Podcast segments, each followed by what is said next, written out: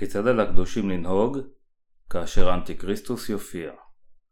חזון יוחנן, פרק 14, פסוקים 1-20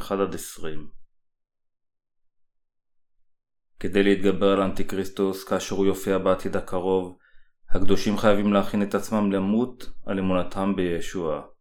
כדי לעשות כן, הם חייבים לדעת היטב על המזימה המרושעת אשר אנטיקריסטוס יביא על הארץ. רק אז הקדושים יוכלו להתייצב מולו להתגבר עליו עם אמונה. השטן ינסה להרוס את אמונתם של הנוצרים שיגרום לאנשים לשאת את סימן שמו או מספרו.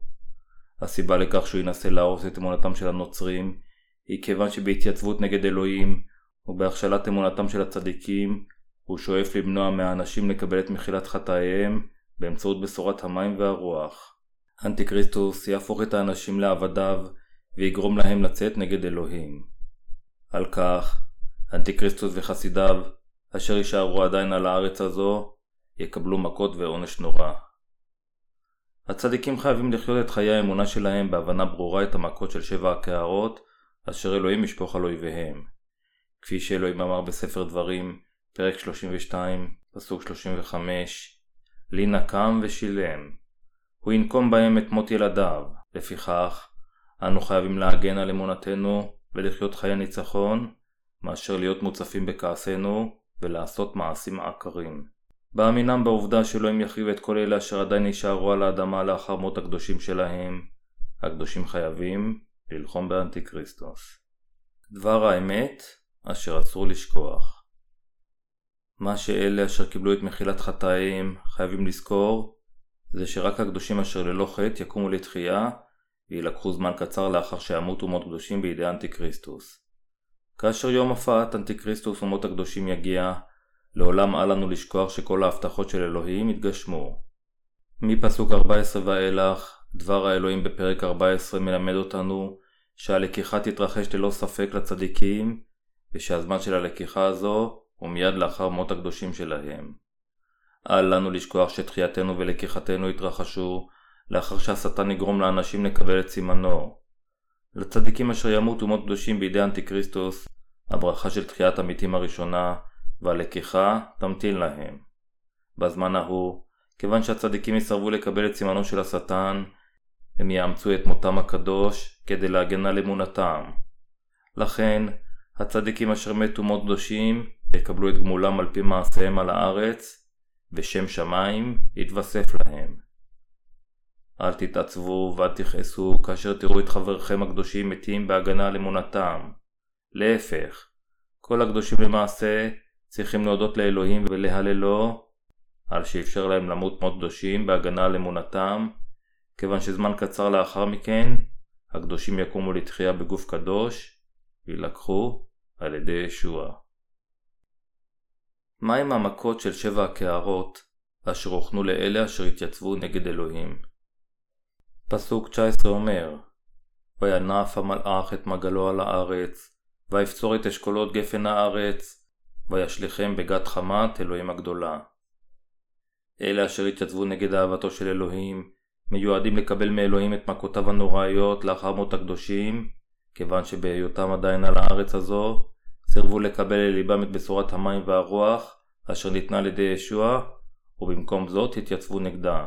הם אלה אשר הפכו לאויבי האלוהים, על שלא האמינו בישועת ישוע המשיח אשר בא בדם וברוח להושיע מהחטאים.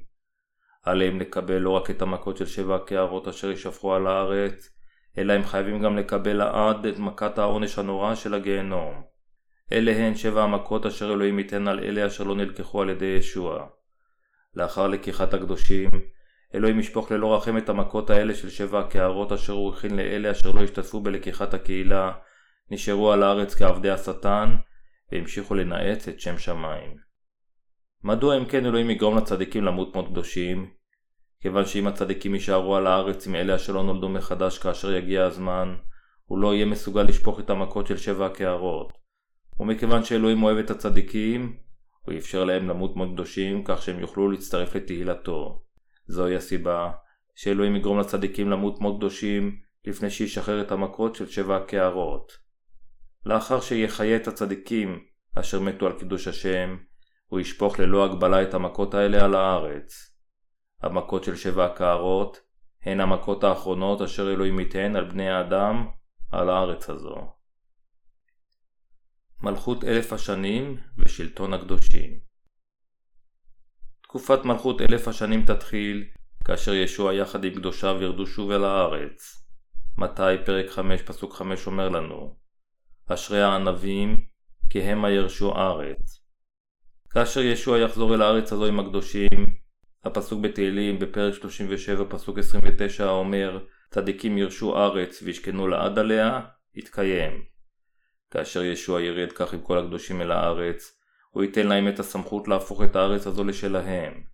בזמן ההוא, הוא ייתן להם את הסמכות לשלוט על עשר ערים ועוד חמש ערים נוספות. כאשר ישוע יחזור, הוא יחדש את הארץ הזו ואת כל מה שעליה, ויאפשר לקדושים לשלוט עליה יחד עמו למשך אלף שנים. מהי אם כן התקווה אשר הצדיקים של התקופה הזו צריכים לחיות עמה? הם חייבים לחיות בתקווה ליום שבו מלכות המשיח תיבנה על הארץ הזו. כאשר מלכות ישוע תבוא אל הארץ הזו, השלום, השמחה והברכות אשר יגאלו משלטונו, יבואו לבסוף עליה. בחיותנו תחת שלטונו של ישוע, אנו לא נחסר דבר, ונחיה בשפע רב ובשלמות. כאשר מלכות ישוע תבוא אל הארץ הזו, כל התקוות והחלומות של הצדיקים יתגשמו. לאחר שיחיו על הארץ הזו במשך אלף שנה, הצדיקים ייכנסו למלכות שמיים הנצחית, אך לעומתם, אלה אשר יתייצבו נגד אלוהים, יושלכו לאגם נצחי של אש וגופרית, יסבלו לעד, ויום ולילה לא תהיה להם מנוחה. לכן הקדושים חייבים לחיות בתקווה, בהמתינם ליום האדון. על כל הקדושים לא לשכוח שמות הקדושים, תחיית המתים, לקיחת הקהילה וחיי נצח, הכל שייך להם. שמרו בלבכם את דבר האמת הזה, ואת התקווה אשר שמעתם עד עתה, והחזיקו בהם בנאמנות. עד יום שובו של ישוע, הצדיקים יחיו כשהם מלמדים את בשורת המים והרוח, ותולים את תקוותם במלכות השמיים. לצדיקים יש את הרשות לחיות לעד במלכות האלוהים, ואת הסמכות ללמד את בשורת המים והרוח על האדמה הזו. מה חייבים לעשות הקדושים אשר חיים בתקופה חשוכה זו? זה די ברור שתקופה זו היא תקופה חשוכה ושנעשה הרבה יותר קשה לחיות בה. לפיכך אנו חייבים להשמיע את בשורת המים והרוח לחוטאים ולהאכיל אותם. בכל רחבי העולם הצדיקים חייבים להפיץ את אהבתו של אלוהים ואת מחילת החטאים אשר באה באמצעות בשורת המים והרוח אשר ניתנה על ידי ישוע המשיח. זה מה שהצדיקים חייבים לעשות עתה. אם הם יחמיצו את ההזדמנות הנוכחית הזו, היא לעולם לא תחזור אליהם. כיוון שסוף העולם הזה אינו כה רחוק, אנו חייבים להטיף את בשורת המים והרוח על אחת כמה וכמה, ולהזין את הנשמות האבודות בתקווה למלכותו של אלוהים. אלה הם המעשים הטובים אשר הצדיקים חייבים לעשות. בעולם הנוכחי, יש הרבה שאפילו שאין להם את דבר בשורת המים והרוח, טוענים שהם מאמינים בישוע המשיח ושהם חיים את חייהם בשירות ישוע. אך אלה אשר חיים את חייהם הדתיים ללא האמת האמיתית, הם כולם נביאי שקר. השקרנים האלה הם הרמאים אשר רק מנצלים בשם ישוע את רכושם החומרי של המאמינים. לכן, אנו מרחמים על אלה אשר מנסים לחיות את חיי האמונה שלהם, כשהם מולכים שולל על ידי נביאי השקר.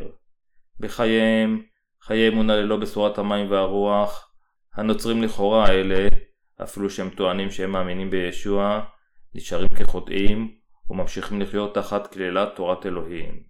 הם תמיד חיים בחטא, ואינם מכירים את העובדה שאם רק יאמינו בבשורת המים והרוח, כל החטאים אשר בליבם פשוט ייעלמו, ויעשו אותם לבנים כשלג, ורוח הקודש תינתן להם כמתנה.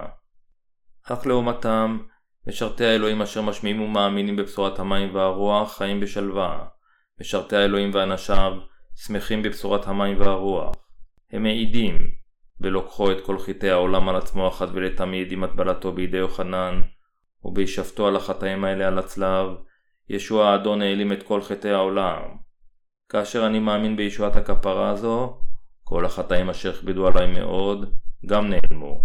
אני עכשיו הפכתי לצדיק. עם עדות כזו, קדושי קהל האלוהים נותנים תהילה לאלוהים.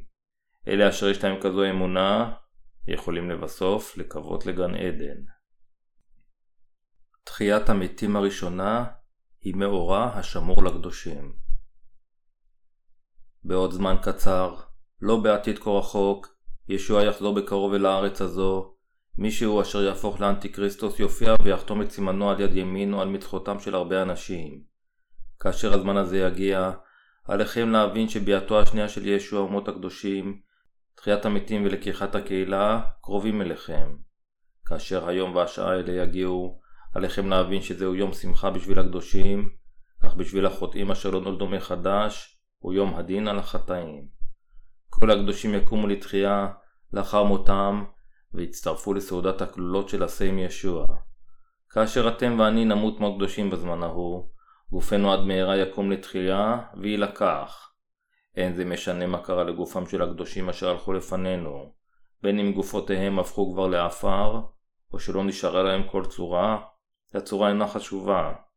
כאשר הזמן הזה יגיע, הקדושים יקומו לתחייה לא בגוף חלש כמו הנוכחי, אלא בזמן ההוא יקומו לתחייה בגוף קדוש, ויחיו עם ישוע לנצח.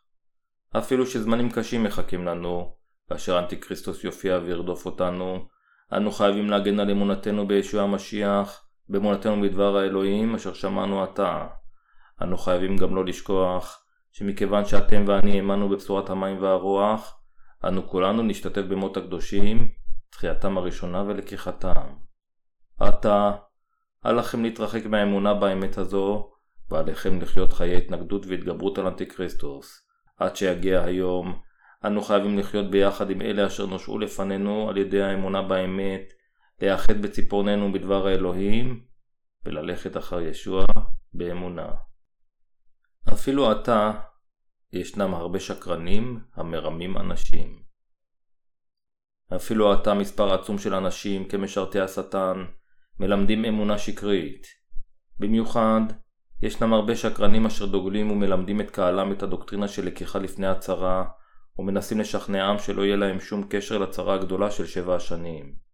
התנ"ך, בניגוד לכך, מראה לנו בבירור שמות הקדושים והלקיחה התרחשו קצת לאחר ששלוש וחצי השנים הראשונות של הצרה יעברו.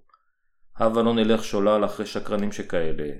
במקום זאת, הבה נדע ונאמין שכאשר יעברו עלינו שלוש וחצי השנים מתוך תקופת שבע השנים של הצרה הגדולה, אנו נמות מאוד קדושים, וזמן קצר לאחר מכן, אנו נקום לתחייה ונילקח בעת ובעונה אחת.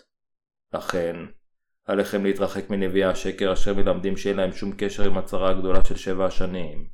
המאמינים האמיתיים מאמינים שמות הקדושים שלהם, תחייתם, לקיחתם וסעודת הכלולות של השה יבואו כולם לאחר ששלוש וחצי השנים הראשונות של הצרה יחלפו כמעה.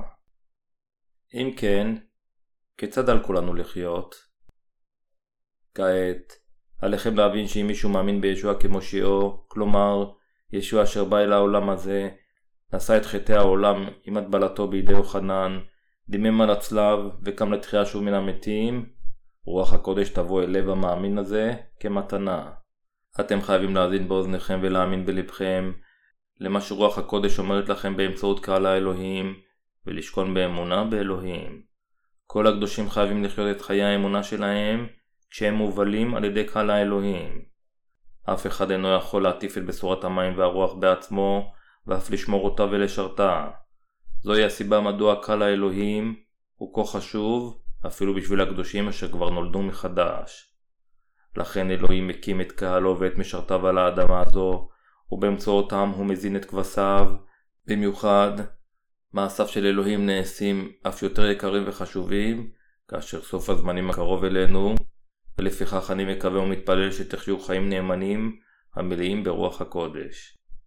כשסוף הזמנים מתקרב, הצדיקים חייבים לעמול אף יותר קשה כדי להתכנס, להתפלל, לעודד, להחזיק, לסייע אחד לשני, לחיות בשביל ישוע ולהתאחד ללב אחד ולמטרה אחת.